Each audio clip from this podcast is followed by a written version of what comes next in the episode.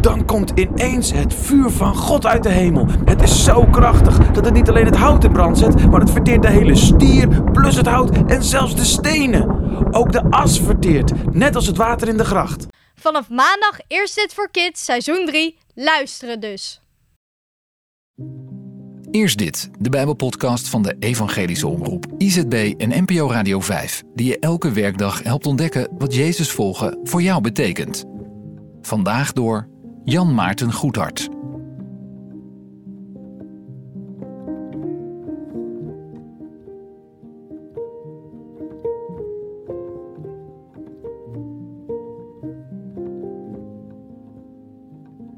We lezen vandaag Lucas 20, vers 1 tot en met 8, waarin vragen gesteld worden bij het gezag en de bevoegdheid van Jezus.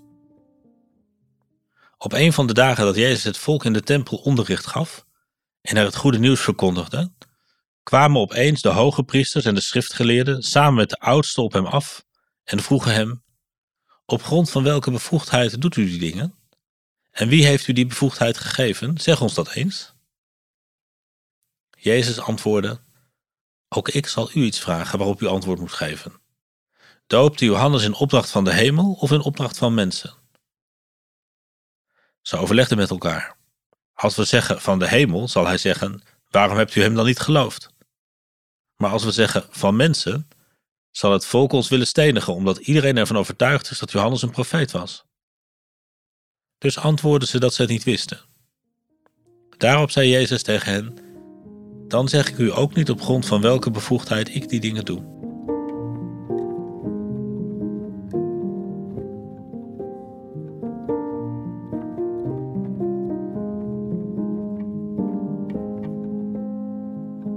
Op het moment dat iemand je vraagt: wat geeft jou het recht om dit wel of niet te doen? Dan weet je eigenlijk al, degene die het vraagt heeft twijfels bij wat je doet, stelt daar vragen bij.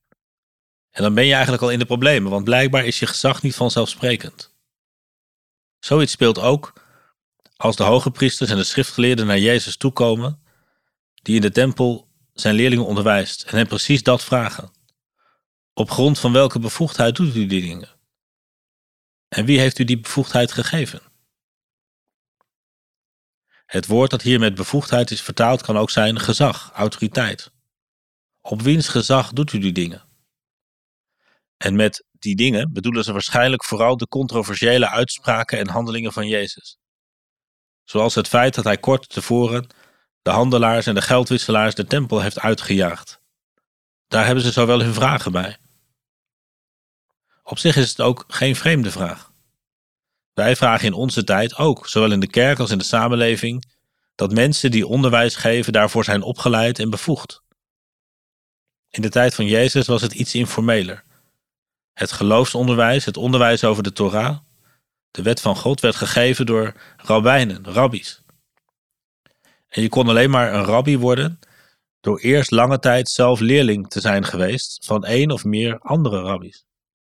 Denk aan Paulus, die zich op een gegeven moment erop beroept aan de voeten van Rabbi Gamaliel te hebben gezeten.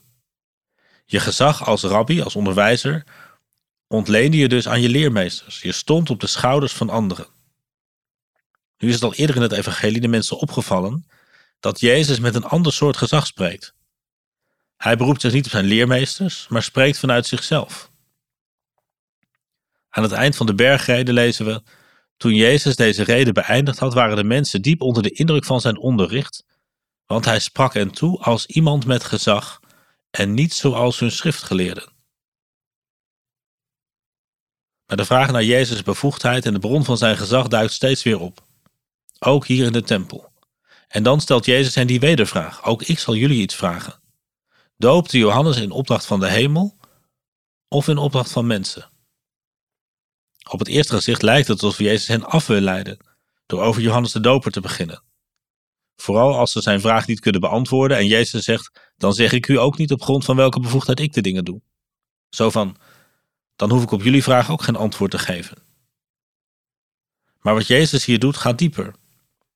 Hij verwijst naar Johannes de Doper omdat die ook niet met het gezag van mensen, als leerling van andere rabbijnen sprak en in opdracht van mensen doopte, maar als een profeet namens God. En het is deze Johannes die Jezus aanwees als degene die zou komen, de Messias. En erbij was toen hij hem doopte in de Jordaan. En getuige was dat de hemel openging en de geest als een duif op hem neerdaalde.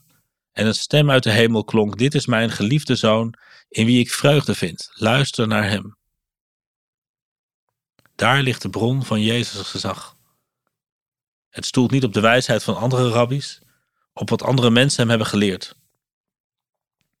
Hij spreekt en handelt als de geliefde zoon van de hemelse Vader. Maar als de schriftgeleerden het gezag van Johannes de Doper als profeet niet durven te erkennen, dan zullen ze ook het gezag van Jezus niet erkennen. Daarom zegt Jezus: Dan zeg ik u ook niet op grond van welke bevoegdheid ik de dingen doe. Ondertussen is de vraag naar het gezag van Jezus ook voor ons vandaag een spannende. Hoe horen wij zijn stem en zijn woorden in ons leven?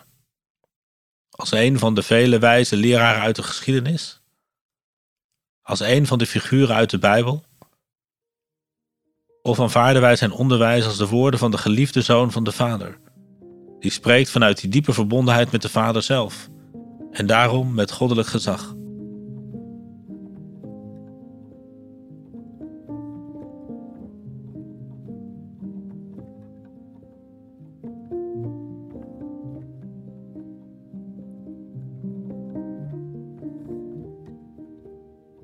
Denk eens over na vandaag, over die vraag. Hoeveel gezag heeft Jezus in mijn dagelijks leven? Niet alleen in theorie, maar ook in de praktijk?